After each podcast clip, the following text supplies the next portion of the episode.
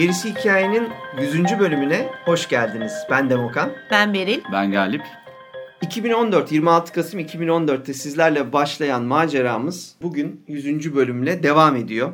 Çok keyifliyiz, çok gururluyuz. Hepinizle birlikte büyüyen bir korku kültürü grubu olmak bizim en hoşumuza giden, en çok istediğimiz şeydi ve e, bu gerçekleşiyor. Çok memnunuz bu açıdan. 100 saati aştık korku kültürü üzerine sinema üzerine, edebiyat üzerine, çizgi roman, sanatın her türlü e, dalının korku ile olan ilişkisi üzerine bayağı bir konuştuk. Daha da çok konuşmayı umut ediyoruz. Devam etmeyi planlıyoruz.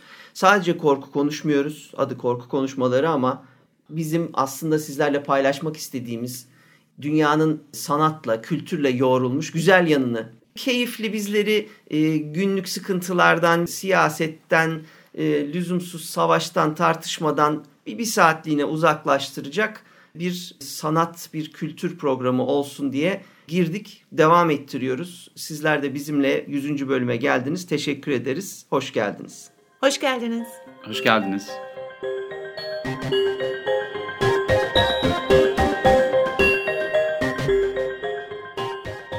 Gerisi hikayeyle alakalı dinleyicilerden gelen yorumlara baktığımız zaman birçoğunun e, artık kahveye gitmediğini falan. bunu kesme. Bunu kesme. Rica ederim bunu kesme. Ayaklarının kesildiğini öyle okey'e falan bıraktıklarını falan Bunları hep duyuyorum. ya sen de durup durup tam zamanında ne için belli ki ben aldım hızlı gidiyorum ya. Kadın dur yut yut onu. Burundan. Çayı pöskürürse iPad'e mikrofonu Geriye koruyorum. Evet abi biz önemli değil biz yap artık. Kadın ölüyor. Elif de Ay yemin ederim var ya ben sınanıyorum anacığım ya. Hmm. Bazı bölümlerde tabii sütten kesilenlerin de oldu. Bilgisayar.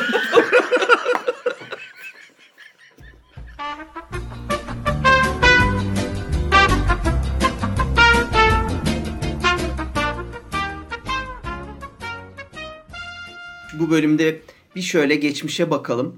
Neler yaptık, nasıl yaptık, neler düşünüyorduk, e, yaptıklarımız arasında neleri çok sevdik, nelerin üzerine daha çok gittik, bizi nasıl yönlendirdi e, bunlardan biraz bahsedelim. Yine sadece sohbet olarak gitmesin ama retrospektif bir bilgi yoğunluğu olsun istiyoruz. Bütün bölümlerimizi dinlemiş olan e, sevgili dinleyicilerimiz bile tekrar neler olduğunu hatırlasın e, istiyoruz.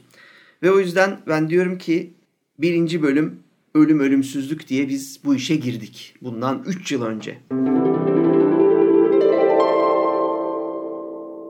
Ee, şimdi ilk programımıza başlıyoruz. Ben Demokan. Sevgili arkadaşlarım Galip ve Beril ile beraber sinemadan edebiyata ağırlıklı olarak da e, korkuyu ön planda tutacağımız sohbetler yapacağız.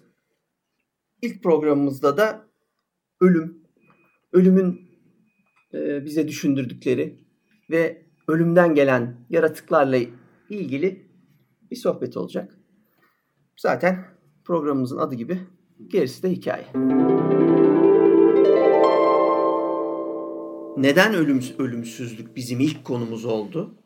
Yani bu bir kere önemli bir gösterge bence. Korku dendiğinde hepimizin içinde tınısı olan en büyük e, korkunun adı belki de ölüm ve aynı zamanda korku kültürü, korku sineması, edebiyatı dediğimizde de ölümsüzlük bunun karşılığında da en keyifli, en hikayeye yönelik isim başka bir tür, başka bir olay olduğu için bence biz buradan girdik.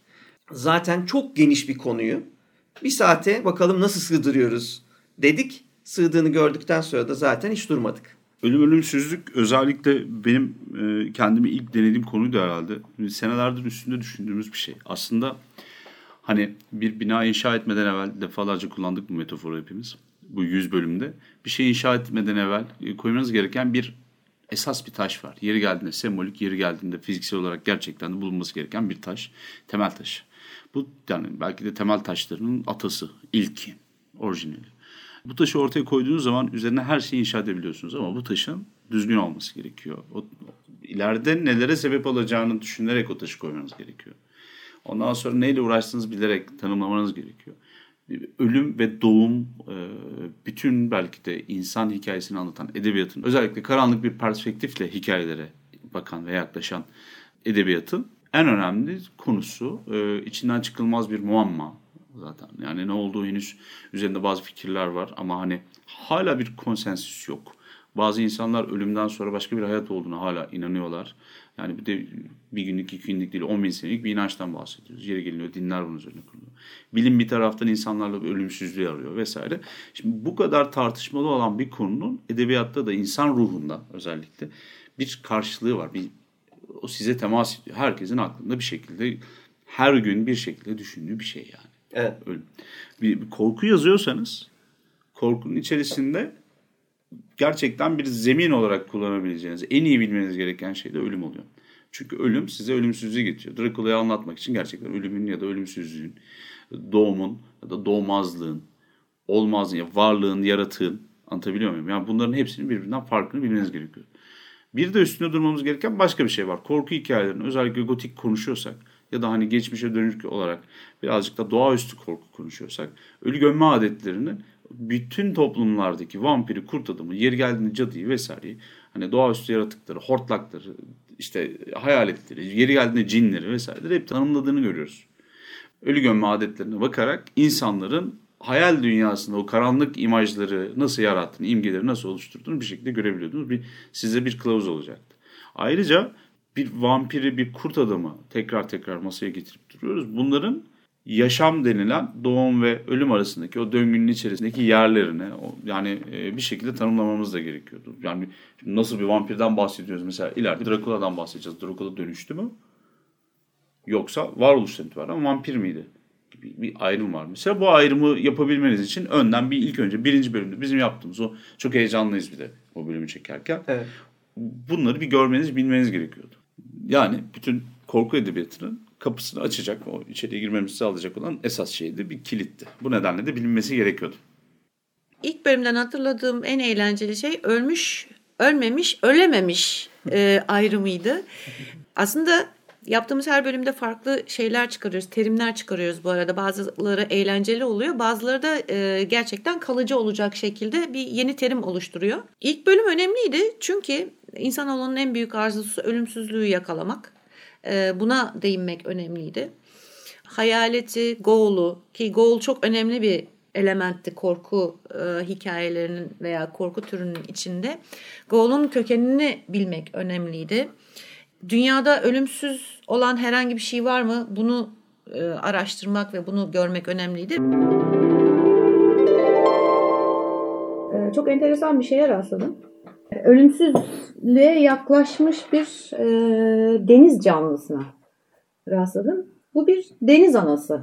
Çok enteresan zaten biliyorsunuzdur deniz anasına e, deniz biyolojisinde Medusa deniyor bu saçaklarından dolayı. Ondan sonra bu deniz anası 4,5 milimetre civarında ufacık bir deniz canlısı. Fakat türünün tek örneği. Bunun da sebebi e, olgunluğa eriştikten sonra e, kesin ölüm e, tehdidi altında kaldığı zaman veya strese girdiği zaman böyle bir korku yaşadığı zaman kendini tekrardan e, gençleştirerek, hücrelerini değiştirerek, gençleştirerek polip haline dönüyor. Yani bir şekilde bu döngü sürekli devam ediyor. Devam ettiği için tabii ölmemiş oluyor. Ölmemiş olduğu için de bir çeşit ölümsüzlük yaşamış oluyor. Nihayetinde ölümü ve ölümsüzlüğü korku türünün içinde araştırmak daha sonraki bölümlerde oluşacak bazı soru işaretlerini hı hı. E, yanıtlamak için kilit bir bölümdü. Evet ve biz bu bölümde e, mesela demin işte bu bu kadar ölüm, ölümsüzlük, ölememezlik vesaireyi konuşurken Bram Stoker'ın mesela İngilizce'de undead terimini ilk defa Dracula'da kullanmış olmasından da bahsettik. Ghoul'un kökenine girip bizim hortlaktı, vampirdi, kurt adamdı bütün bu doğaüstü yaratıkların merkezinde bulunan o tek yaratığa acaba gidebilir miyiz'i araştırmaya başladığımız nokta olarak belirledik.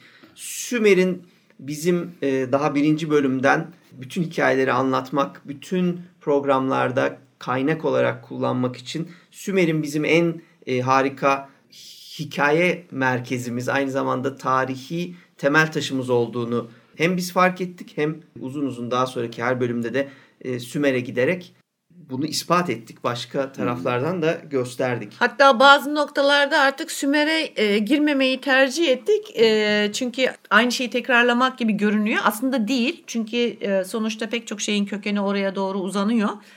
Ama e, hep eğlenceli bir e, şey olarak kaldı, şaka olarak kaldı e, Evet. dilimizde. Orada bir şu durum da var. Gol kelimesi mesela bizim keşiflerimizden bir tanesi olduğuna inanıyorum ben. Daha evvel kendini referans gösteren ve internette dolaşan bir e, hayali yaratıklar sözlüğü mesela güncel olarak kullanılıyordu. Herkes de bu taşa yazılmış gibi bunun gerçek olduğunu zannediyor. Ben bu Ghoul'la alakalı bizim yapmış olduğumuz Anton Galant öncesinde Ghoul şöyledir. Daha sonrasında Binbir Gece yazıldıktan sonra şöyle bir dönüşüm geçirmiştir ve yani Anton Galant'ın hayal dünyası folklorik bir canavarı bir daha evirmiştir. Yani başka Evet. hiçbir yerde yok böyle bir şey ve diye anlattığım takdir zamanda çok böyle bilgisine, e, entelektüel altyapısına güvendiğim bir arkadaşım bile olur mu öyle şey saçmalıyorsunuz falan gibisinden karşı çıkmıştı. Bu arkadaşımın öne sürdüğü kaynağın Anton Galant'tan 70 sene sonra yazıldığı ortaya çıktı ondan sonra da. Ama biz derdimizi ilk başta anlatamadık ama bana şu rahatlık geldi. Evet bulduk biz bunu. Aslında Ghoul'un çıkışını Arap kültürüne kadar ben takip edebildim. Önce bir Arap kültürüne. Arap kültürüne gelişini de kaynaklara ulaştım. Ghoul'un Mezopotamya'daki Sümer ve Akatların Bedevilerle olan ilişkilerin sonucu, ticaretleri sonucu Gallu denen Akat canavarından kelime olarak gelebileceğini mesela düşünüyor. Gallu da ölüler diyarına hem yakaladığı insanları götüren e, hem de hatta e, Damuzi denen doğa tanrısını Akatların, e, Sümerlerin e, yakalayıp ölüler diyarına götürmüş e, bir yaratık olarak anlatılıyor. Buradan gelebileceğini söylüyor. Daha sonra dil biliminden giderse mesela 13. yüzyılın düşünür yazarı, e, araştırmacısı İbni Manzur diyor ki Lisan al Arap kitabında gol, gal kelimesinden gelmiştir Arapça ve öldürmekten gelmiştir diyor. Bir başka dönemin bir başka kaynağı da iktal kelimesinden e, yani cinayet işlemekten e, geldiğini söylüyor. Yani kelimenin her koşulda dil benzerlikleri ölümle eşleşiyor. Ve Al-Kurtubi'ye göre de tam bir tanımı çıkıyor o dönemin Gul'unun. Yolcuyu yoldan çıkartan, hileyle ateş yakıp onun yoluna çıkıp şekil değiştirerek, güzel bir kadın olarak görünerek ondan sonra onu baştan çıkaran ya da onunla sohbet eden, onu kendine e, yolcu eden, bazen yolcuların peşine takılıp onlarla birlikte seyahat edip e, daha sonra da ya onları öldüren, ciğerlerini yiyen vesaire bir yaratık ve daha doğrusu yaratık demekten öte o dönemki inanca göre aslında cin. Yani tam da cinin karşılığı o gün için gol. Ve ağırlıklı olarak çoğu kaynakta dişi olarak geçiyor. Aslında çirkin, kıllı, böyle garip bir yaratık ama şekil değiştirme özelliği olduğu için genelde e, çekici bir kadına dönüşebiliyor. Fakat değiştiremediği bir tane özelliği var. O da ayakları eşek ayakları oluyor. Bu bazı metinlerde keçi ayağı, bazı metinlerde deve kuşu ayağı. Keçi Na- ayağı hikayesi oradan geliyor olabilir. Ayakları ters Evet. olayı belki oradan geliyor. olabilir. Aynen öyle. Bu tarz yakınlıkları olsa da yani değiştiremediği bir şeyi var. Oradan da zaten yakalıyorlar onu genelde. kültürü de değiştirdi. Türkiye'deki kültürde de biri bir şey demeden önce bir durup bakacak yani. Hakikaten gol kaynak buymuş yahu diye tekrar tartışılır hale geldi. Dinlememiş olanlar varsa tavsiye ederiz. Çok bilgi yoğun bir bölümdür. Antoine Galland'ın Binbir Gece masalları üzerine olan etkisini çok bunlar konuşulmazken, bunlar sanki taşa yazılmışçasına kabul görürken 1704 ile 1717 arasında tarihlenen İstanbul'da yazılmış ve Frankafon etkilerle değiştirilmiş bu eserin içinde mesela gul kelimesinin Daha önce Bartolomeu Derbelot diye bir e, ismin Doğu Kütüphanesi ya da Doğuluların bildiği her şeyi kapsayan evrensel sözlük gibi bir çalışmanın içinde geçmiş olduğunu, bunu Herbelon'un ölümünün ardından Antoine Galland'ın düzenlediğini vesaire bu tarz böyle çok detay ince bilgileri İslam'dan önce Gulu, e, İslam'dan sonra Gulu uzun uzun detaylı bir bölüme sığdırdığımız çok keyifli bir e, de bölüm oldu. Burada hem yeni şeyler söylendi hem de temel atıldı.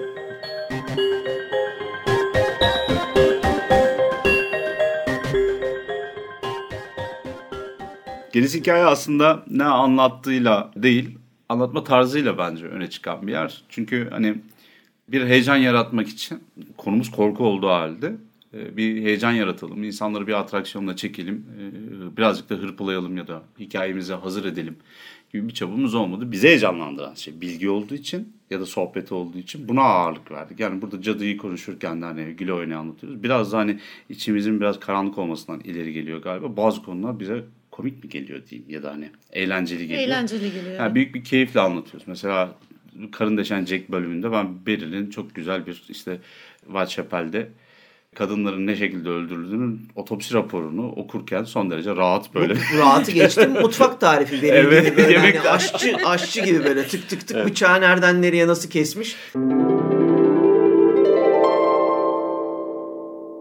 ve feci şekilde öldürüldüğü anlaşılıyor kadının. Bundaki yaralanmalar yüzde yoğun, yüzde çürükler var. Boğazı kesilmiş ki bu ilk zaten şey yani ilk izlerden bir tanesi. ilk e, Jack the Ripper'ın İmza, imzalarından hareket. bir tanesi. Boğazı kesilmiş, karnı deşilmiş. Yalnız boğazıyla karnı arasında hiçbir şey yok. Kan veya bir e, yaralanma yok. Direkt olarak boğaza ve karna çalışılıyor. Yaralar soldan sağ, yaraların soldan sağa açıldığı yani solak bir katil tarafından yapıldığı anlaşılıyor daha sonraki araştırmalarda. Poz verilmiş, kadının bacakları yukarı doğru yanlış hatırlamıyorsam çekilerek e, ifşa edilmiş.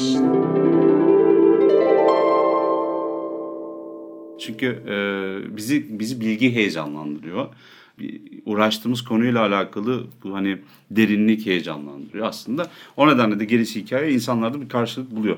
Daha önce de hani birkaç defa belirtmiştik. İnsanlar korkuyla ilgilenmeyen insanlar da korku edebiyatıyla, korku sinemasıyla hani böyle ne bileyim karanlık bir kültürle iç içe olmayan insanlar da Evet. e, bizi dinliyorlar. Gerçek hayatında hani bunlar zaten böyle bir şey de yok. Yani e, Stephen King bayağı bildiğiniz aile babası mesela Türk, sadece Türkiye'de dünyada korkunun kralı olan bir adamdan bahsediyoruz.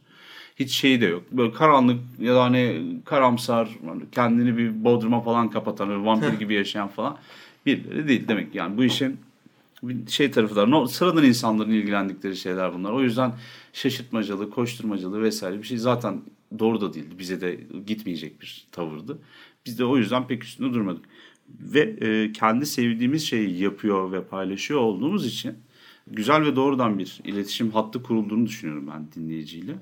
Ve sesimizde de yansıyan o heyecan başka insanlarla da karşılık buluyor. Çok güzel insanlarla tanıştık şimdi 3 senedir. Evet. Güzel bir başka şey daha var. Yani Pabisat'tan geçen sene başarı ödülü almıştık. Başka bir gelişme daha var mesela. Gelişme derken artık şu an iyice olgunlaşmış bir durumu tespit etmek, altını çizmek istiyorum. Yani Türkiye'de podcast, yayınlanan podcastler arasında hani ilk onda ne var dediğinizde bir gerisi hikaye geliyor ve diğerlerinden yeri geldiğinde ayrışarak herkesin iyi bir içeriği var, kontenti var. Hani gerisi hikaye bilgi veriyor. Hani korku edebiyatıyla alakalı daha önce hiç böyle düşünmemiştik. Ee, başka bir bakış açısı falan gibi şeyler dedirtiyoruz. Yani bu da beni çok tatmin ediyor, mutlu ediyor.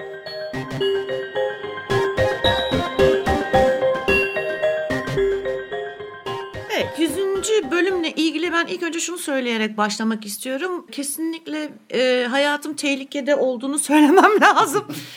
Neden diyecek olursanız evet demin Galip'in ve Demoka'nın söylediği gibi bazen çok heyecanla anlattığımız şeyler oluyor ve bu heyecan sırasında özellikle Galip'in patlattığı espriler yüzünden çayım veya yediğim şeyin e, o sırada e, burnumdan gelme, nefes boruma tıkanma, e, beynime kan gitmemesi gibi bir takım tehlikeler oluşuyor. O yüzden aslında bu sıralar kendimi sigortalatmayı da düşünüyorum. Bir önlem almam gerekiyor. Ben biraz bu işe nasıl başladığımızdan bahsetmek istiyorum. Ee, biz 10 senedir hatta 10 seneyi aşkın süredir beraberiz. Pek çok projeyi beraber imza attık. Aynı zamanda günlük hayatta da sık sık beraber olduğumuz için e, bizim sohbetlerimiz hep yoğun geçiyordu. E, her buluştuğumuz zaman, her bir araya geldiğimiz zaman bir konu üzerinde sürekli bir beyin fırtınası döndürüp durma alışkanlığı edinmişiz farkında olmadan. Bunu da ilk fark eden Demokan oldu. Bir gün bize geldi dedi ki ya tamam bu sohbetleri ediyoruz ama bunlar hep havaya gidiyor. Bari hiç olmazsa bunları kayıt altına alalım.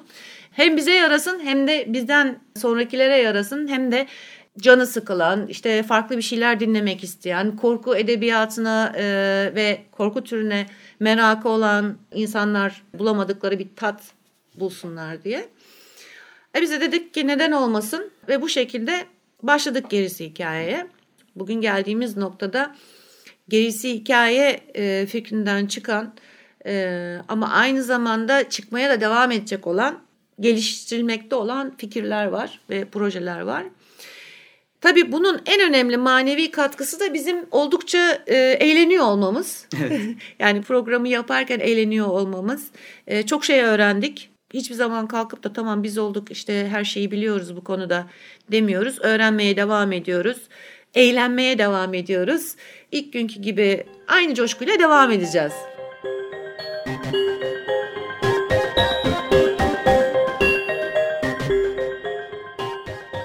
Birinci sezonda mesela sizin aklınıza gelen favori bölümleriniz var mı? Bir de biraz oraya gireyim istiyorum.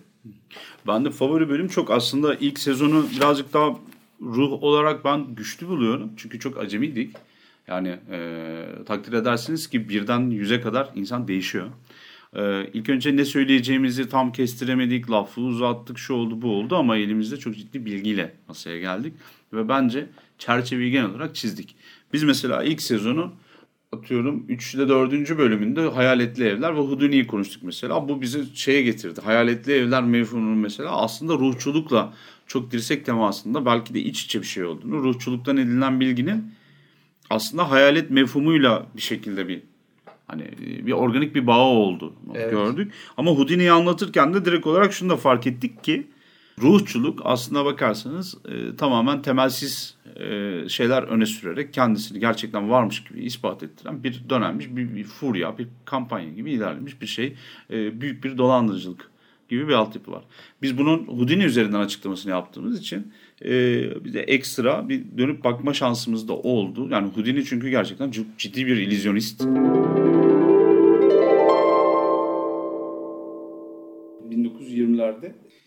Houdini bir taraftan hem şüphecilerin hem de dolandırıcıları ortaya çıkartan kesimin, e, akılcıların yüzü oluyor e, ve onların sesi oluyor aynı zamanda da. Conan Doyle, da çok ilginç bir adam. Keşke yapmasaydı diyor herkes. Biz de diyoruz tabii bunu yani. Sen o kadar tüme varımcı, çok ilginç bir adam olaraktan Sherlock Holmes gibi bir karakteri yazan, ona can veren bir adam olarak gerçekten bu kadar kendini kaptırıyorsun. Gerçi işte dönemin modasıymış diye düşünüyorum.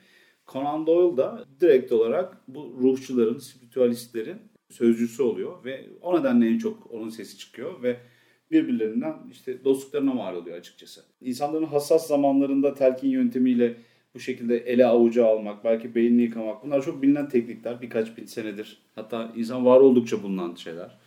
İşte retorik din, e, aklına girmek din, telkin din. Ama sonuç itibariyle öyle bir anında Arthur Conan Doyle avlanmış. Bu, bunun başka bir izahı yok.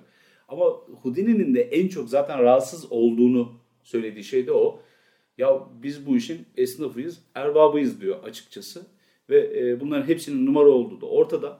İnsanları boş hayaller peşinde çok daha büyük, çok daha kötü şeylere yöneltecek şekilde kullanmayın, bir araya getirmeyin diyor. Yani nasıl söyleyeyim size? İnsanlar orta çağdan çıkabilmek için yaklaşık olarak bin sene uğraştılar ya da karanlık çağlardan. E, bilim rüştünü ispatladı. Nihayet dünyaya güzel ve yeni bir şekil vermeye başladı. Siz arka taraftan bağnazlığı bir şekilde getiriyorsunuz ve bilim kisvesi içinde bir din, yeni bir din ortaya koyuyorsunuz. Tam da bu medyumlara birebir hitabını orada da anlatmıştık. Yas tutanların acısından beslenen akbabalar diye hitap eder ruhçulara. Aynen öyle.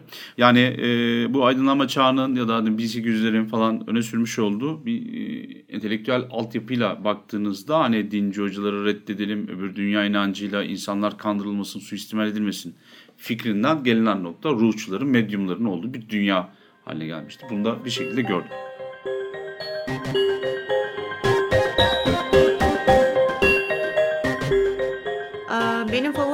favori bölümlerimden bir tanesi Lilith'tir. Aynen aynen. Lilith'i neden bu kadar sevdiğim e, zannedersem biraz aşikar. İlk feminist diyebilir miyiz? Kesinlikle diyebiliriz. Evet evet. İlk feminist olması en azından benim düşüncemde öyle. E, kesinlikle boyun eğmemesi ama şimdi tabii ki Hristiyanlıkta geçen Lilith'ten bahsetmedik tamamen. Sadece ondan Sadece bahsediyorum. ondan bahsetmedik. Onun öncesinde de bir demon olarak tarif edilen özellikle antik yazıtlarda geçen Lilith'e kadar gittik. Ki bu dişil veya erkil olabilen bir iblis türü. Çölde bulunabilen e, veya ıssız yerlerde bulunabilen. E, Buna kadar götürdük. Sümer'e girmeden çıkmadık. E, Hatta baykuş ayaklı tanrıçayı da konuştuk. İştar'ı. Bununla ilgili olarak Evet. İştar'ı da konuştuk. Yani e, nihayetinde Lilith'in kökenlerini, geldiği yeri, ne kadar yanlış anlaşıldığını ve hakkındaki pek çok söylentiyi de e, konuşmadan geçmedik. Evet yani Lilith'i e, girince dediğin gibi İştar'dan da bahsettik. Lamia'ya da girdik. Bunların hepsini kaldırıp toplayıp ya aslında femme fatale'dir bu deyip ta 1930'ların 40'ların kara filminin başrol e, oyuncusu hanımlara kadınlara e, Evet. bile biz bunu açıkça bağladık. Hem edebiyata bağladık hem sinemaya bağladık hem çizgi romana uzun uzun e, Lilith'in maceralarını bağladık. Ve o kadar dolu bir bölüm oldu ki biz din kitaplarından alıntılarla da Lilith'i e, anlattık. Şiir kitapları Göte'nin Faust'undaki geçişinden e, Keats'in e, Lamia'sından Edgar Allan Poe şiirlerine kadar girdiğimiz çok enfes bir bölüm olmuştu. Evet. Bir de aynı zamanda şey de var. Bu sizin yazarlığınıza çok ciddi katkısı olan yani bakış açınızı gerçekten atıyorum bir 100 derece falan daha genişleten bir ekstra bir bölüm oldu. Sadece kadının hakkını teslim edilmesi ya da hani Türkiye'de bir bilinçlenme ya da aydınlanma noktası olarak düşünmüyorum ben. Aslında Lilith'e ilgi bir de sizin bir çıkış noktanız haline de geliyor. Ne anlatacağınızı, canavarın neye benzediğini, doğum vasıtasıyla yani o e, dinlerin zaman içerisindeki o geçişler esnasında kadının lanetlenmesinin, kadının kutsal dışı, insan dışı affetme, atfetmesinin de hikayesini Lilith'te gördük. O doğum yapan, kanlı, kirli kadın, adet gören kadın gibi şeylerin din kitaplarının hatta hikayelerin içine girdiğini, yeri geldiğinde de vampir kadını da, ölü kadını da, Lilith'i de bir şekilde bunu ifade ettiğini yeri geldiğinde söyledik. Evet bizim e, Lilith bölümümüzü özellikle mesela Havva'nın ilk kadın olduğunu zanneden dinleyicilerimiz varsa bu konuda daha çok bilgilenmek istiyorlarsa Lilith'i tanımak isterlerse hikayelerde efsanevi hikayelerden e, din kitaplarındaki hikayelere ve sözlü din kültüründe oluşmuş, oturmuş, gelişmiş e, özellikle Tevrat'ın e, çevresinde oluşmuş, gelişmiş hikayelerde Lilith'i arasınlar, bulsunlar. Bunun için de bizim e, birinci sezon beşinci bölümümüzü dinlemeleri e, iyi bir yol gösterici olabilir. E, Lilith'i dinlemek neden bu kadar önemli? Çünkü daha sonraki yayınlanmış olan bölümlerde e, çok defa geriye atıf var. Bu, bugün halk arasında bile görebileceğiniz bir silüetten bahsediyoruz. Ve tüm kültürlerde rastlanabilen bir e, figürden bahsediyoruz. O yüzden Lilith'in silüetini önceden görmek önemli bir şey. Biz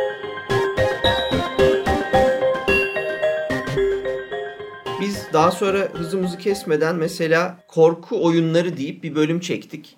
Ve ilk defa korku kültürünün belki de bilgisayar oyunları üzerinden konuşan program biz olduk. Ve orada sevdiğimiz korku dönemin e, korku öğelerini kullanan oyunlarını keyifle paylaştık sizlerle. İlk e, konuştuğumuz böyle edebi ve sinemasal figür mesela Hannibal Lecter oldu. E, Hannibal Lecter'ın bu hayali seri katilin hem sinemadaki Anthony Hopkins'li geçmişi hem Thomas Harris'in kitabındaki yazılmış olan karakterini hem de sonrasında Matt Mikkelsen'in oynadığı diziyle detaylı bir şekilde uzun uzun inceledik. Aynı zamanda yamyamlığa da değindik. Yamyamlığın psikolojisini de konuştuk. İlk kayda giren yamyamdan son kayda giren yamyama kadar e, bazılarının özellikle üzerinde durduk. Hatta manşetlere çıkmış bazı olaylardan. Bunlardan bir tanesi de Japonya'dakiydi zannedersem Evet. hatırlarsanız. Aynı zamanda yamyamlıktan bahsederken bu işin masalına da değindik. Hansel and Gretel Evet. la birlikte. Lamia'ya değindik. Efsanelerde geçen Hmm. e, yönüyle ya da folklorda Slav folkloruna değindik. Baba Yaga'ya. Evet. Bu tür şeyleri de e, yani bir şeyi işlerken, bir konuyu işlerken sadece günümüzün perspektifinden değil, bütün bugüne kadar olan tarihi ve e, efsane yani efsaneleriyle, masallarıyla, söylenceleriyle birlikte bütün noktalarına değindik ve Evet. değiniyoruz. Evet. Evet. Aynı zamanda kanibalizm yani yamyamlığın e, isim olarak nereden geldiğini, o Karayip kökenli uydurma 1540'daki Hollandalı bir denizcinin hikayesinden bir alıntıyla bütün bu mevzunun başladığını, belki de var olan bir yapıyı sadece genel olarak isimlendirerek yola çıktığını söyledik. Yine Bram Stoker'ın Dracula'sını ya da ölümcül erkekleri işte L'Homme Fatal kısmını da ölümcül tehlikeli adam figürünü de bir şekilde orada tespit ettik. Sadece siz yemesine gerek yok. Duruş ya da yaşantı itibariyle de üst insan nasıl olur? İşte seri katil nedir vesaire gibi konuları da konuştuk. Seri katil bölümünü özellikle bizden isteyen arkadaşlarımız oluyor, dinleyiciler. E, bir henüz düşünmedik ama gelecek programlar içerisinde bir iki tane düşünüyoruz. Şunu görüyorum ben. Yani Lilith, ölümsüzlük, şunlar bunlar. Bunların hepsi aslında zemine düşen taşlar. Evet. Çünkü yani Lilith'i e, kabus bölümünde Nightmare'da da oturup tekrar konuştuk. İşte hani Anadolu'nun korkunç canavarlarında da tekrar halk arası geçti mesela. Halk arasında halk arasına ne deniyor falan gibisinden Halk geçerek. arasında. Mesela direkt orada gene Lilith'i gönderdik. Vampirleri anlatırken gene Lilith geçti. İşte Hannibal aynı şekilde daha sonra 23. bölümde yaptığımız e, Jack the Ripper bölümünde de karın deşen Jack'te de tekrar gündeme geldi. Psikolojik gerilimdi şuydu buydu. Bunların hepsi aslında hani böyle bizim göndermeyi yapmadan önce ortaya koymamız gereken referans bölümler oldu. Galiba Kesinlikle. ilk sezon bu. Evet. Bir tane daha bu temeli koymak açısından biz korku yazmak üzerine de aslında başta yine bu sezon e, birde bir bölüm ya- yaptık ve burada da Türkiye'de çok böyle bu konularda e, yanlış anlaşılabilirsiniz. O yanlış anlaşılmayı da engellemek amacıyla aslında biraz bu bölüm çok işe yaradı diye düşünüyorum. Bizim anlattığımız bütün bu değindiğimiz konuların işin hikaye tarafıyla ilgilendiği, gerçek hayatta olup olmaması meselesiyle e, hiçbir zaman birebir ilişkilendirilmesine gerek olmadığını düşündüğümüzü de biz bu korku yazmak bölümünde bahsettik. Benim işte favori cümlem Don't let the truth get in the way of a good story.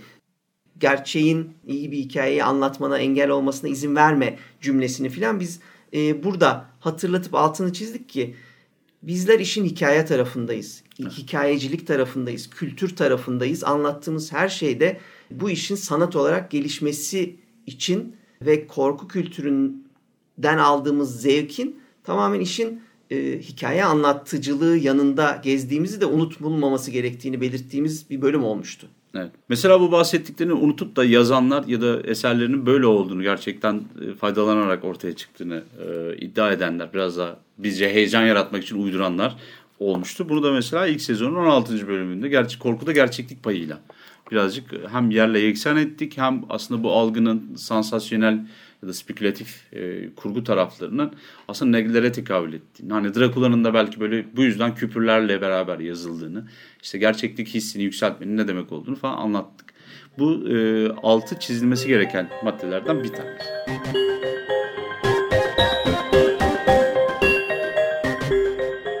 Bir başka ilginç şey de ilk sezonda mesela bizim bu kadar korkunun ya da sanatın geçmişiyle alakalı bölümler çekip e, ahkam keserken bir yandan da uzay ve uzayda geçen korku filmlerini ya da bilim kurgu bilim korku filmlerini Evet. bu da bizim tabirlerimizden biri galiba en azından dilimize yapışan bilim korku filmlerini de gündeme getirmiş olmak kendi kendimize masaya yatırıp üzerine eldini konuştuk. Uzay korkusu nedir? Derin uzay korkusu. Daha Uzay sonraki sezon. Uzaylılar geldi istila etti falan gibi. Şimdi bunların hepsinin köken olarak da aslında daha evvelki bir edebi türlere de işaret ettiğini de bir yerde söyledik diye hatırlıyorum.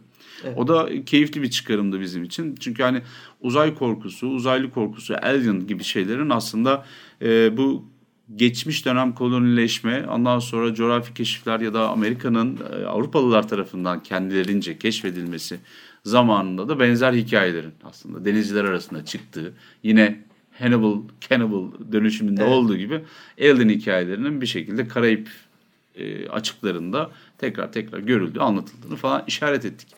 Evet yani bizim ortak bir ağızla gerisi hikaye ekibi olarak mesela ilk konuştuğumuz filmin Alien olması bir tesadüf değil. Bunların ne kadar derin korku unsurları taşıdığını biz o bölümde anlattık. Biz bunu bir bilim kurgu filmi sadece diye değil Galip'in bu terimi Türkçe'de en azından ilk kullandığını ben de öyle düşünüyorum. Bilim korku olarak kullanıldığı ilk e, yerlerden biri oldu. Bizim için çok önemliydi. O da zaten uzaylı istilasını getirdi. Dediği gibi sonraki sezonda işte derin uzay korkusuna götürdü bizi bunlar. Evet. Bunun e, hemen ardından da bizim bir türlü bitmeyen vampirlerimiz birinci sezonun e, 11. bölümünde başlamış. Vampirleri folklorik birer figür olarak en eskiden aldık, başlattık ve e, geçen hafta konuştuğumuz Va- sinemada vampirler e, 1995-2000 yılı gibi böyle herhalde 6-7 bölüme e, yaydığımız bir vampirler konuşması temeli de orada atıldı. Konuştuğumuz ilk gerçek canavarın da en azından popüler kültürdeki e, ilk canavarın da vampir olmasına bu konuda şaşmayız herhalde. Yok şaşmayız. Bizim üçümüzün de favori yaratığının ayakları yere bastığı takdirde vampir olduğunu ki bu uçuyor o da var e, bir şekilde söyleyebiliriz.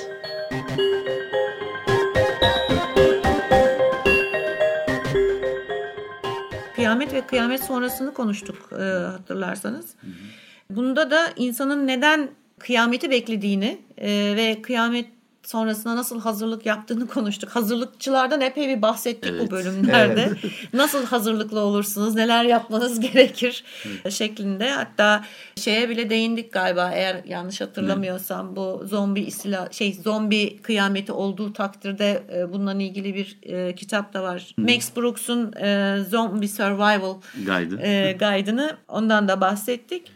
Ki zaten işte mesela bu önemli. Biz önce kıyamet mesela e, bu tarz kıyamet derken dünyada olabilecek doğaüstü olaylar ya da doğal olayların sonucunda insanların yaşamaya devam edebileceği e, türden bir hikayelerdeki kıyametten e, bahsettiğimiz bir bölüm. Bundan hemen önce de ama kıyameti konuşup işin e, din kitaplarında ne ifade ettiğini de tabii anlatıp onun e, temelini de atmıştık.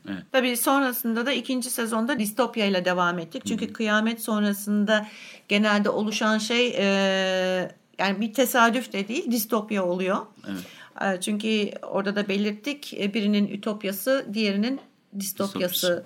Hatta şunu da söyleyelim. Bu benim çok hoşuma giden detaylardan biridir ki biz distopyayı yaptık. Bunun bundan iki yıl sonra e, beraberce mesela e, çalıştığımız Rabarba Sinema Dergisi'nde bir sayı distopya yapılmasına karar verildiğinde dosya konusu distopya olduğunda bizim bu distopya üzerine çektiğimiz gerisi hikaye bölümümüzün üzerinden yeniden geçip hem derginin çıkmasına e, katkıda bulunma şansımız oldu.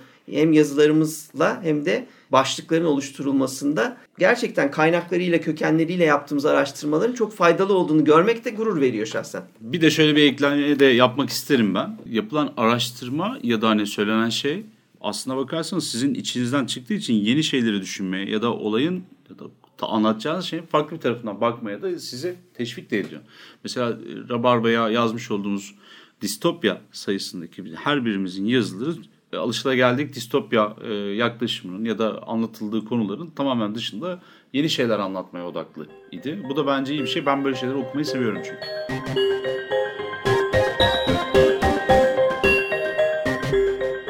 Gerisi hikaye dinlediğinizde ayrıca bizim yapmaya çalıştığımız katkılardan biri de şu oldu ve bence daha da olacak en keyif aldığımız şeylerden biri de sinema yönetmenler ve korkunun yönetmenleri, korkunun yazarları gibi çok önemli isimlerin e, biyografilerini sizlerle paylaştık.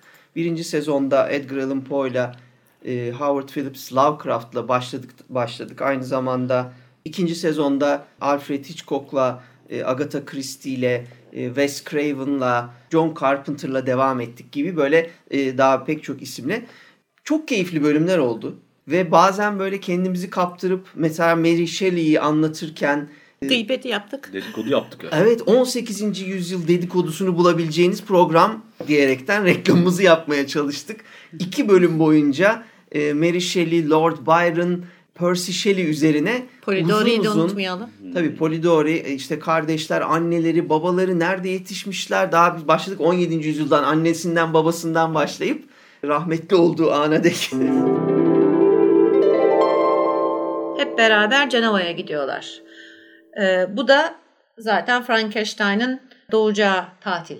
evet. Ya da Clara'nın doğacağı tarih değil. Bir, bir tane daha kız oluyor ya Clara Everina 1817'de.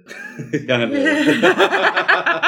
yani olur olur. Artık kimin eli kimin cebinde olan Artık evet. tatil diyelim yani. Evet şimdi orada gerçekten bir özet biz şimdi çok biliyormuşsunuz gibi davranıyoruz ama bilmeyenler vardır mutlaka. İsviçre 1816 Cenova Lord Byron'ın malikanesine gidiliyor. Burada Lord Byron özel doktoru Polidori. Onun muydu kira mıydı öyle bir şey hatırlıyorum. Hadi onu bilmiyorum.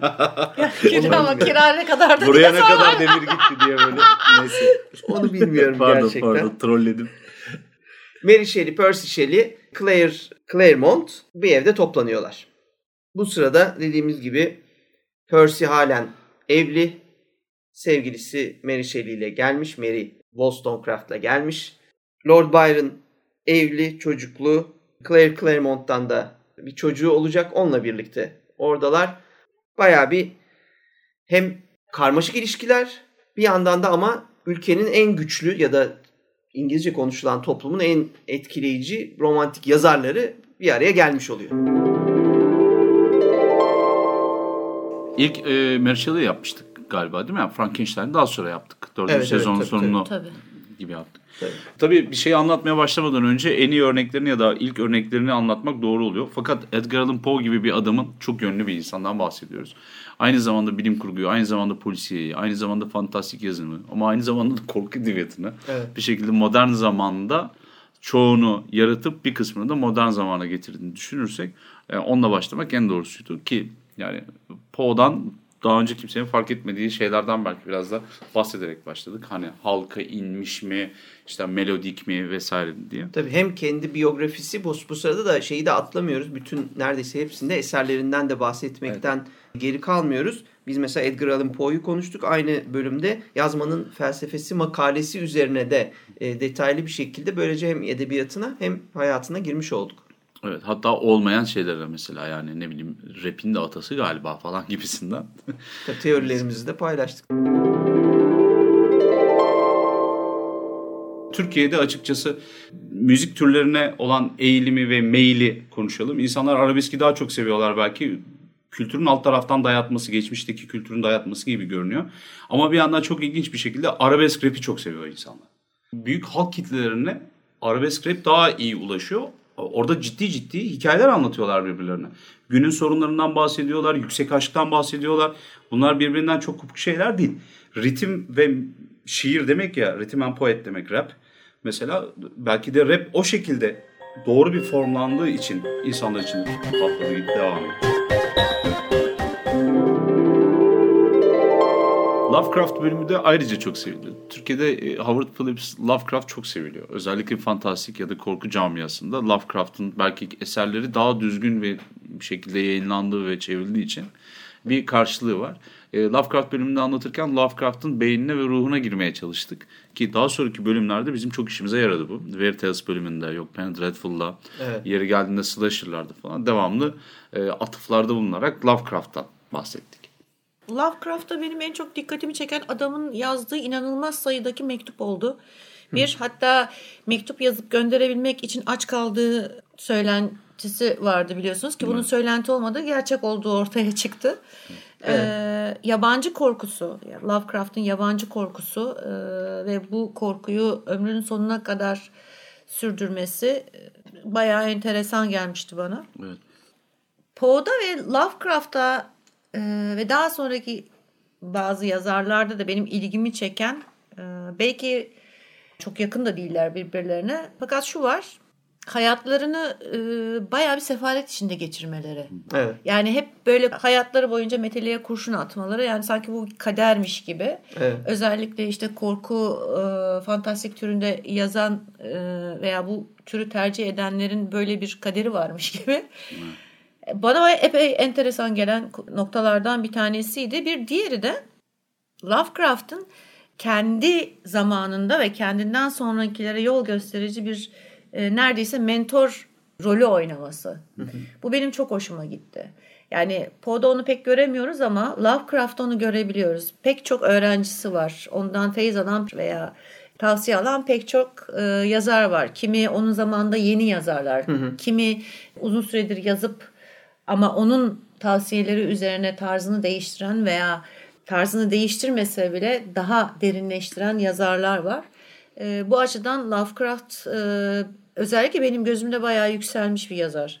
Evet onun da zaten e, o gün biz bu programı çektiğimizde daha e, Türkçe'ye çevrilmemiş olan e, Edebiyatta Doğaüstü Korku makalesinin de detaylı bir şekilde bir bölümde de ayrıca e, Lovecraft'ın hayatının üzerine e, bayağı güzel, keyifle incelemiştik. Daha bir tane yeni çevrilmiş galiba. Bu arada ben Facebook'tan paylaştım ama yayın evini Ben de hatırlayamadım, hatırlayamadım. şimdi. Okumadığımız için de daha tam da şey yapamadım. Yani hani nasıl çevrildiğine bir bakalım. Çok Umarız, zor bir çeviri. Özellikle iyi çok olmuştur. zor bir çeviri. Bizim e, evet dinleyicilerimizden ya da hani temas ettiğimiz insanlardan biri galiba bir çevirdi bir yayın evi. Ancak bir görmek lazım. Ama hani çevrilmiş umutluyum ben. İyi Ben bakalım. de umutluyum. Evet, eğer bakalım. eğer güzel çevrilebildiyse gerçekten muhteşem bir kaynak olacağı kesin.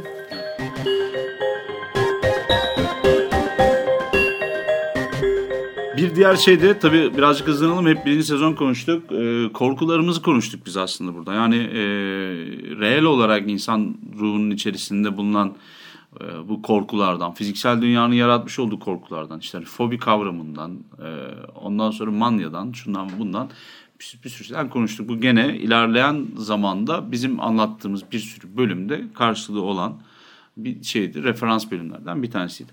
Bu kadar bilimsel, yeri geldiğinde bilimsel bir konu konuştuktan bir iki bölüm sonra da direkt olarak gidip musallat konuştuk mesela. Evet. Gene birinci bölümün e, süper renkli olması durumu. İşte hani musallat nedir? E, işte hani pozisyon nasıl, nerede karşımıza çıkar? Sanatta bunun karşılığı ne? Gerçek hayatta nedir? Falan falan. coğrafyadaki yerleri Avrupa kültüründe orta çağda nedir? Türkiye'de günümüzde nedir? Atıyorum geçmişte neydi? Bu arada korkulardan bahsederken tabii bunların pek çok e, yani insan korkusunun pek çok e, yönüne de değindik. Bunlardan bir tanesi hayvan korkusu mesela veya kıyamet korkusu, e, hastalık korkusu ve fobiler, Çocuklar. çocuklar, oyuncaklar, tekinsiz yerler gibi. Biz ikinci e, sezona geçtiğimizde de yeni bir kendi içimizde gelenek oluşturmaya başladık mesela. Se- sezonlarımızın birinci bölümünde e, bir önceki e, dönemde ünlü olmuş, e, ses getirmiş korku dizilerini e, konuşmaya başladık. İkinci sezonumuza mesela Penny Dreadful dizisiyle başladık.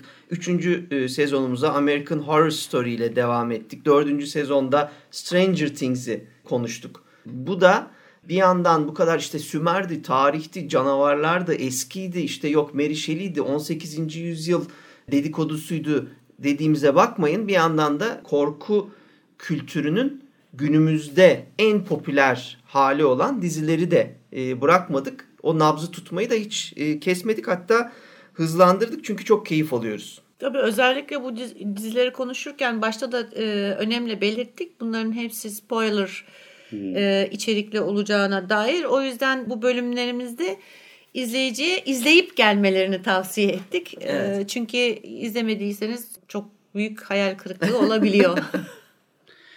E, bir de tabii e, ilk sezonu atlattıktan sonra gelen bir rahatlıkla beraber hani ön bilgileri verdiğimize inanarak açılımlar yapmaya başladık. Mesela hani korku sineması demedik ama mesela teen slasher dedik. Hemen ona öyle bir konuya girdik. Ondan sonra hani distopyayı konuştuk biraz önce Belin dediği gibi. Mutasyon, büyü gibi bölümleri ayrı ayrı ele almaya başladık. E, daha da gittikçe renklenmeye başladı programda. Hemen mesela ikinci sezonda bu sefer ikinci e, favori yaratığımıza detaylandırıp işte zombiden başladık. Zombi 1, 2'yi çektik. Zombinin yine hem geçmişinden, Afrika'daki geçmişinden Haiti'ye gidişine e, başlayıp sonra sinemadaki gelişimine bugün e, Romero'nun e, attığı e, temeller sayesinde girdiği şekle girdik. Fantastik dünyalara dalalım dedik. Mitolojiden başlayarak fantastiğin ne olduğunu, fantastik edebiyat, fantastik rol yapma oyunlarına kadar 3 bölümlük bir başka e, seri olarak konuştuk. Vampirleri hiç kesmedik. Bram Stoker ve e, Drakula'sını detaylandırdık. Ejderhalardan bahsettik ki o seneler geçen senelerde hala Anadolu'da ejderha olmadığını düşünen dinleyicilerimiz olduğunu biliyorduk. Onlara bütün dünya çapındaki ejderhanın hikayesini Anadolu'daki ejderha ile birlikte anlattık.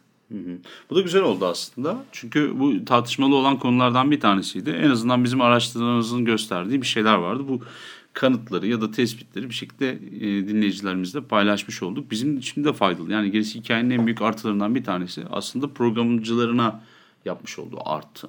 Biz de artık e, neyi ne şekilde bahsedeceğiz, isimlerden geliyor, işte dahaktan işte ejdere kadar Evet. kelime manasının üzerinde dolaşarak bütün hikayeyi de bir şekilde anlattık, tanımlamaya çalıştık. Ayrıca sadece eski yani eski diyorum ama e, e, ölümsüz yazarlardan değil aynı zamanda günümüzün yazarlarından da bahsettik. King gibi, Kuntz gibi iki önemli e, ismi konuştuk. E, ki bunlar epey dolu dolu e, konuşmalar oldu. İkişer bölüm. İkişer bölüm. E, çünkü onlara geldiği zaman konu bir susmak bilmiyoruz bir türlü. Aynı zamanda korkunç canavarlarını da tekrar tekrar e, masaya yatırdık. Ne cadı kaldı, ne mumya, ne kurt adam. İşte bunların benzeştiği, birbirinden uzaklaştığı, e, köken olarak temas ettiği şeyleri anlatmıştı. Hani biraz önce dedik ya ölüm ölümsüzlüğü bilmeden olmuyor diye. O ölümsüzlük bölümünün mesela e, dinlemeden mumya bölümünden ne kadar keyif alınabilir? Evet. Onu bir düşünmek lazım. Bir de mumyanın hakikaten mumdan geldiğini de söylemiş olduk. Gerçekten bildiğiniz mum kelimesinden o zift katran şeyinden geldiğini de Tümüyle. Bu arada e, zannedersem gerisi hikaye konularının en eğlenceli yanı hem korkunun türlerini, alt türlerini görüyorsunuz ki bu e, işte dediğim gibi teen slasher olabiliyor, oyuncak korkusu olabiliyor. Yani hem sinemada hem edebiyattan bahsediyorum bu arada. Çünkü bunlar aslında sadece e, sinemada olan şeyler değil. Bunlar gerçek alt türler ve edebi kolları da var. Hatta oyun veya e, çizgi roman türleri de var. Bunun haricinde bir de konu olmuş olan hani hep element dediğimiz şeyler var. İşte cin gibi, kabus gibi, işte e, karabasan gibi Büyü gibi. büyü gibi elementler var ki bunlar çok önemli. Çünkü korkunun üstüne kurulduğu e, yığın çok fazla. Ve bu yığınları mümkün olduğunca tanıtmaya çalışıyoruz. Çünkü e, bir tanesinde gördüğünüz şey aslında tek bir konuyu içermiyor. Pek çok konunun bir araya gelip bir homojen bir yapıya dönüşüp e, size sunulması anlamına geliyor. Evet. Bir de tabii şöyle bir şey de var. Gerisi hikayede keyifli bir şekilde tartışma olanağı bulduğumuz için de ben kendimi şanslı hissediyorum. Mesela korku eserlerinde, korku sanatında canavarların ya da hani hayvanların kullanımıyla alakalı bir araştırma yapıyorum o esnada. O bölümü konuşacağız. O esnada şeyden bahsediyorum. Yani ucu King Kong'a, Tarzan'a kadar giden e, goril ve şempanze korkusunu Evet. 1700'lerin son çeyreğinde yani 18. yüzyılın son çeyreğinde çok ciddi bir histeriye neden olduğunu ve e, henüz bu türlerin kökeni falan yayınlanmamış insanların e, hayvanla alakalı tanımlarını bir şekilde hem alt üst ettiğini hem bunun aynı şekilde bizim Morg Sokağı'ndaki cinayette mesela niye goril olduğunu hep merak ederdim ben. Bunun karşılığında tabii Avrupa'da o dönemde böyle bir histeri varmış. Goril çok korkulan bir hayvan. Parçalar falan gibisinden bir şey. Yani daha sonra Kurt Adam hikayesine e, ya da işte hani Jekyll Hyde'ı bile bir şekilde gorilden tanımlandığını gördük. Bu bilgiyi hiçbir yerde yazmıyordu. Yani daha doğrusu bu benzeştirme, yakınlaştırma çok bir yerde geçmiyordu. Ee, böyle şeyleri öğrendiğim için de ekstra sevindim. Yolda çevirip birini sorsanız mesela Jaws'la King Kong'un aslında köken olarak belki de aynı tüylü yaratıktan geldiğini çok şey yapamazlar. Evet Ama biz biz de öğrenmiş olduk. Evet, evet ve biz böyle e, mesela gerçek hayattan mesela Rasputin'i konuştuğumuz bölümde ben böyle benzer şeyler hem araştırırken hem de o program sırasındaki beyin fırtınasında fark ettiğimiz şeyler olmuştur. Rus e, 1917 devrimi e, dönemini konuştuğumuzda Rasputin kimliğinin arkasında bizim o Rusya'yı konuşmadan hiçbir şey konuşamayacağımızın e, açıkça çıkması Rasputin'in bir insan olmaktan çok o bir türlü hani sonda ölmeme hikayesinin belki de işte o Rusya'nın o günkü psikolojik, sosyolojik yapısının bir metaforu olduğunu da bizler gördük. Sinemadaki yansımalarıyla yani sadece Rusya'daki o gerçek rahip karakterinin değil, mesela Amerikalıların daha Rasputin ölür ölmez çektikleri filmlerle dünya kültüründe oluşturdukları imajın etkilerini bizler konuştuk, fark ettik hatta yansıtmaya çalıştık. Sadece Rasputin değil bunu Mavi Sakal'la da yaptık. Evet. Yani Mavi Sakal'ın hikayesinin veya hikayesinin varyasyonlarını konuştuk. Kim olabileceğini, ne olabileceğini konuştuk. Onun ötesinde de Mavi Sakal hikayesinin bugünün hikayelerine yansımasını e, gördük. Bence bu e, epey eğlenceli bir bölümdü. Evet. Çok tabii çok gülmüştük onu hatırlıyorum. Korkunun en sert figürlerinden bir tanesini kayınçoları tarafından öldürülüyor olmasını falan hatırlıyorum ama komik Hayır bir de şey yani e, kadın düşkünü müdür? E, psikopat mıdır? Yoksa durum gerektirdiği için öyle mi, mi yapmıştır? Yani ona da bir türlü karar verememiştik hatırlarsanız. Yani tam olarak ne olduğuyla ilgili. E, yani tabii ki bir canavar olduğu sonucuna e, hem figürsel açıdan e, karar veriyorsunuz ama adamın ne sorunu olduğuyla ilgili e, bayağı bir dedikodu döndürmüştük diye hatırlıyorum. Evet. Doğru doğru.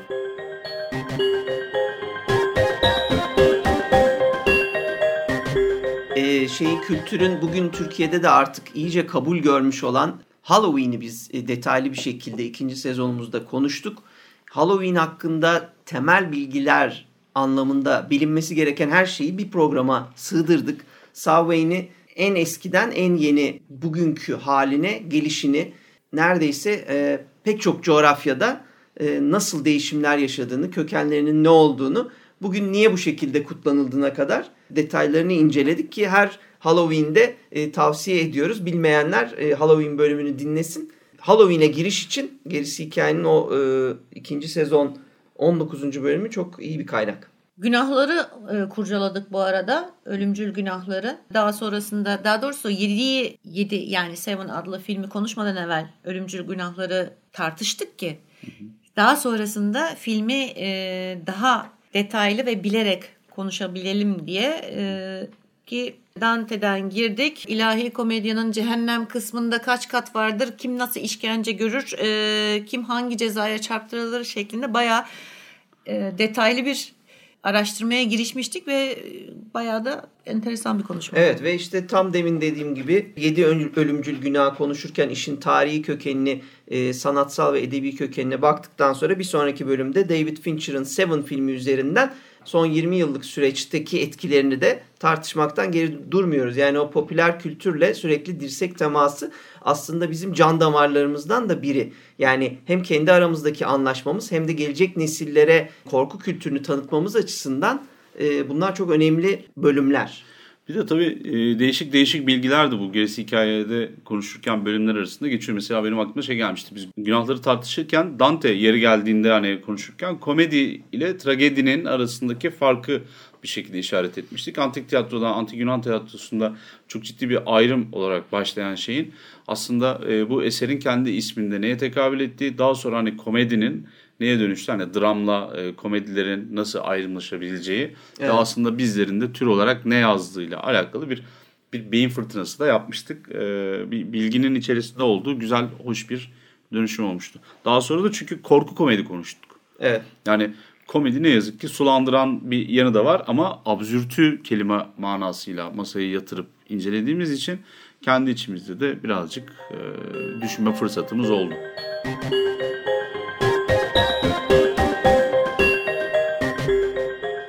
Dördüncü sezonumuzu e, daha yeni başlamışken yol göstericimiz e, diyebileceğimiz, ustamız diyebileceğimiz e, Giovanni Scognamiglio'yu kaybettik ve bunun üzerine de o hafta kendisinin işleri, hayatı ve bizlere olan etkisini anlatmak ve anmak için kendisini bir bölüm çektik. Mutlaka Gio bölümünü de dinlemenizi tavsiye ederiz. Türkiye'nin hem sinema e, konusunda hem de e, korku konusundaki temel kaynaklarından birini tanımıyorsanız tanıyın. Tanıyorsanız da e, daha fazla bilgi edinmek için mutlaka e, o bölüme bir bakın.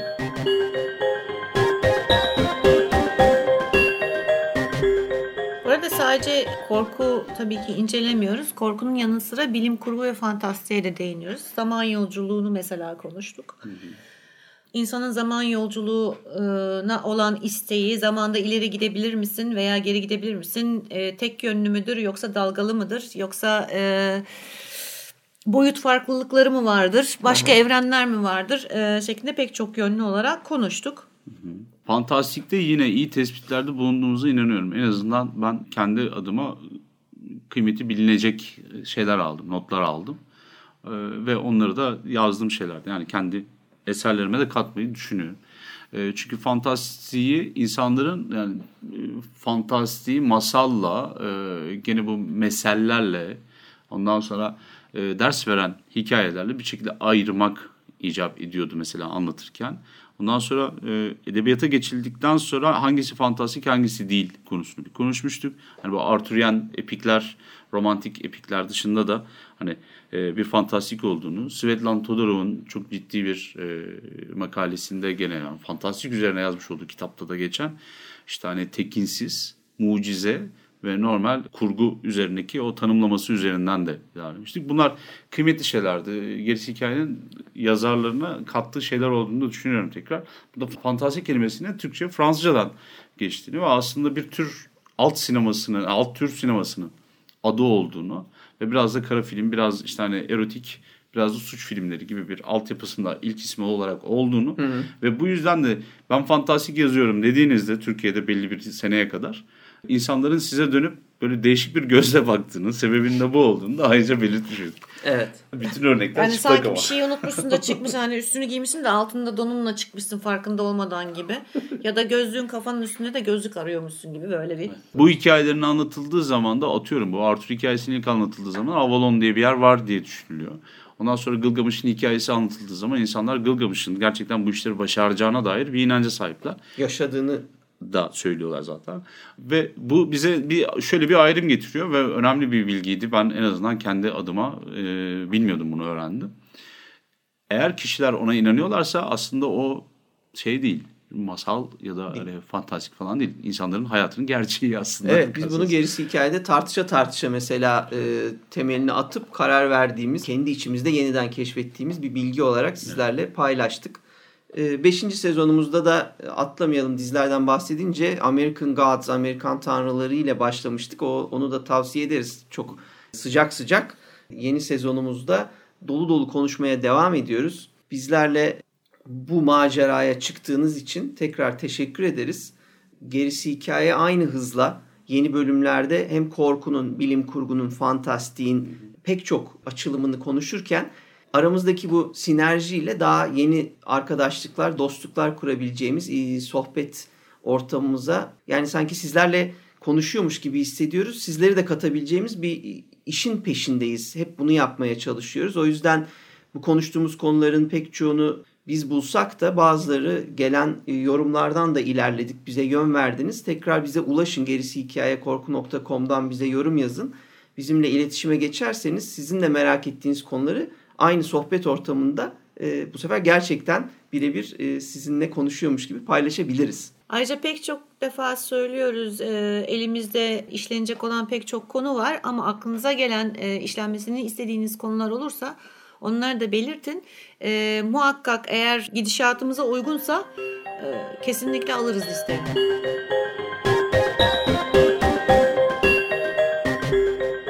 Gerisi hikaye bir şeyin sonunu anlatarak başlamıştık. İlk insan hayatının ki bizim en fazla dikkate aldığımız özne bu. Çünkü insan ya da hani türümüz biraz bencil bir yaratık.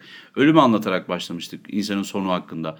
Ama biz şimdi dönüp baktığımızda 100. bölümde artık kapatırken şunu görüyoruz ki biz bir sonla başladığımız şeyi bitirmeye pek ki şeyimiz yok. yani hem niyetimiz yok hem zaten imkanımız yok bir şekilde bu iş devam edecek ve yani birkaç yüz daha da devam edebilir diye düşünüyorum. Belki bazı konuları tekrar ele alıp üzerlerine tekrar bir şeyler ekleyebiliriz. Ama bazı konuları sıfırdan anlatabiliriz ama sonuç itibariyle çok hoşumuza giden sohbet havasında devam eden ve hepimize bir şeyler katan muazzam bir yolculuk oldu benim kendi namıma. Ee, bizlerle aynı şeyi hisseden, aynı bu heyecanı yaşayan bir sürü güzel insanla tanıştık. Dinleyicilerimizle, okurlarımızla tanıştık. Ee, buradan hepsine çok kocaman selamlarımı ve sevgilerimi gönderiyorum.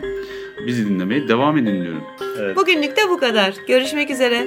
Hem eski dinleyicilerimize aynen hepimiz selam ederiz. Hem de bizi ilk defa dinlemeye başlayanlara hoş geldiniz. Bizi dinlemeye devam edin. Görüşmek üzere. Görüşürüz.